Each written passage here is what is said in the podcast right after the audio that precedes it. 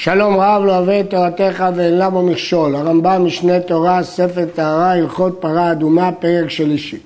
אין שורפים את הפרה אלא חוץ להר הבית, שנאמר והוציא אותה אל מחוץ למחנה. ובהר המשחה היו שורפים אותה. הכסף משנה מאיר, שלפי דרשת הספרי, שרפתה מחוץ לשלוש מחנות, כלומר גם מחוץ לירושלים. אז אם כן, חוץ להר הבית הוא לאו דווקא, כי צריך גם חוץ לירושלים. משיב על זה ערוך השולחן, שברגע שהרמב"ם כתב בהר המשחה, כולם יודעים שזה חוץ לירושלים. וחבש היו עושים מהר הבית להר המשחה, ותחתיו בנוי כיפין כיפין, כלומר כיפות כיפות, וכיפה על כל שני כיפין, כדי שיהיו שני רגלי הכיפה על גג שני כיפין שתחתיה, כדי שיהיה תחת הכל חלול מפני קבר התהום. אף מקום שרפתה ומקום הטבילה שהיו בהר משחה תחתיהם חלול מפני קבר התהום. והפרה והסורר וכל המסעדים בשרפתה יוצאים מהבית להר משחה על גבי כבש זה כדי שהם לא יטמאו. הצורה הזאת של חלל על גבי חלל תעצור על ידי יצירת אוהל. כיצד שורפים אותה? זקני ישראל היו מקדימים ברגליהם להר המשחה, עוד לפני שהכהן גדול יוצא שמא ייגעו בו ויטמאו. ובית הטבילה היה שם, וכהן והמסעדים בשרפתה, והפרה יוצאים על הכבש, ובאים להר המשחה. ומטמאים את הכהן, וסומכים הזקנים ידיהם, ידיהם על הכהן, ואומרים לו טבול אחת. ואם היה כהן גדול, אומרים לו אישי כהן גדול, טבול אחת. ירד וטבל, עלה ונסתפק, ועצים מסודרים היו שם, עצי ארזים, אורנים וברושים ועצי תאנה חלקה. ועושים מערכה כמין מגדל, ומפתחים בה חלונות, כדי שתהיה האור מלבבת בהם. ומראה המערכה במערב. מה זה האור מלבבת בהם? על ידי פתיחת העלנות תרבה האש. הראשון הרמב"ם בפירוש המשנה, כדי שתיכנס האש ותבערנה במהירות. מראה המערכה במערב, מסביר הרמב"ם בפירוש המשנה, פני המערכה, הוא המקום שמכניסים בו האש, יהיה לפעת מערב כנגד קודש הקודשים, לפי שהר המשחה במזרח ירושלים כנגד שער המזרחי של מקדש. וחופטין את הפרה בחבל של מגג. מגג, הכסף מסביר, גמי, שאינו מקבל טומאה, כדי להרבות בטהרתה. ונותנים אותה על גבי המערכה, ראשה לדרום ופניה למערב. הכהן עומד במזרח ופניו למערב, שוחט בימינו ומקבל אדם בשמאלו. הייתה דעה שגם הקבלה בימינו מוסר לשמאלו, אבל ההלכה הוא מקבל בשמאלו, כדי שיטבול בימינו. ומזה באצבעו הימנית מן הדם שבכפו השמאלית שבע פעמים כנגד בית קודש הקודשים. על כל הזיה טבילת אצבע בדם. ושערי הדם שבאצבע פסולים להזיה. מה שנשאר מהטבילה הקודמת לא כשר להזיות פעם שנייה. לפיכך על כל הזיה מקנח אצבעו בגופה של פרה. למה בגופה של פרה? שגם זה יישרף. גמר מלהזות, קינח את ידיו בגופה של פרה, שכל הדם שנשאר יהיה על הפרה. בדרך כלל בקורבנות מקנחים במזרק שבו קיבלו את הדם. אבל פה מקבלים ביד ולא בכלי, וקניח בגופה של פרה.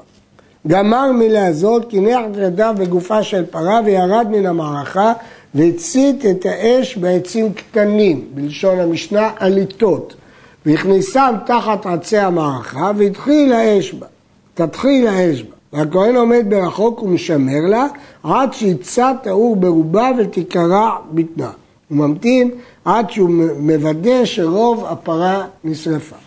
אחר כך, רק אחרי שהיא נבקעה והאור הצית ברובה, נוטלת ארז ואזוב אין פחות מטפח, וצמר צבוע בתולעת משקל חמש סלעים, ואומר לעומדים שם, אצער את זה, אצער את זה, אצער את זה, אזוב זה, אזוב זה, אזוב זה, שני תולעת זה, שני תולעת זה, שני תולעת זה, שלושה פעמים על כל אחד ואחד, ואומרים לו הין, הין, הין, שלושה פעמים על כל אחד ואחד.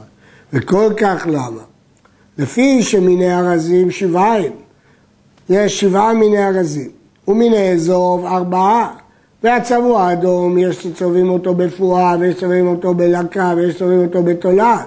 והתולעת היא הגרגרים האדומים ביותר, הדומים לגרעיני החרובים וכמו עוג. ותולעת כמו יתוש שיש בכל גרגר מהם. לפיכך מודיע על הכל ומגלה להם שאלו המינים האמורים בתורה.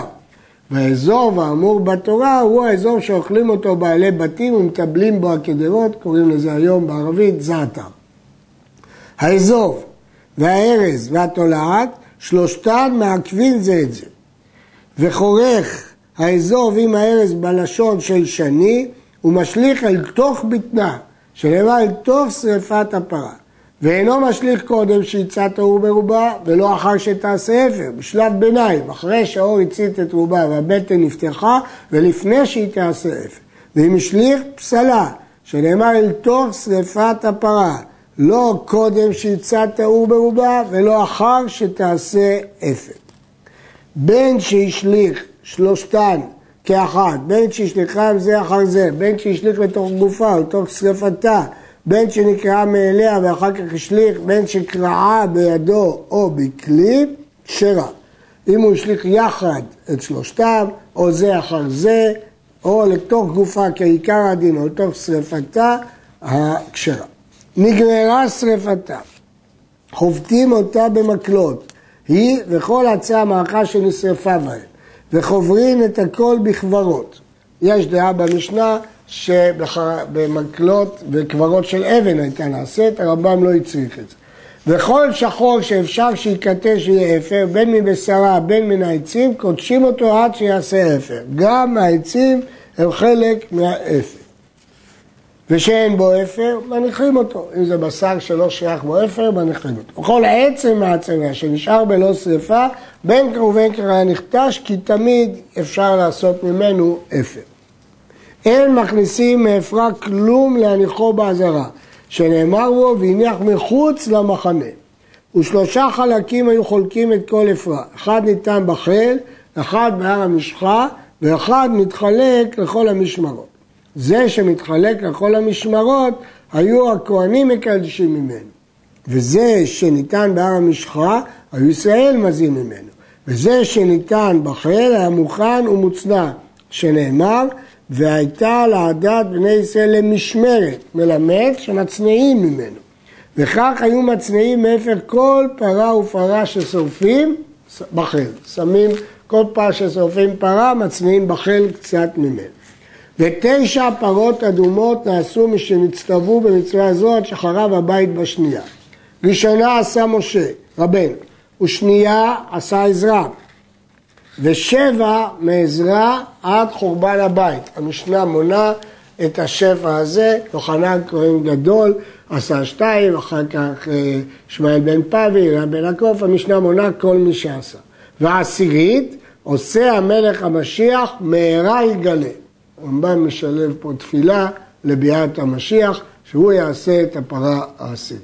עד כאן.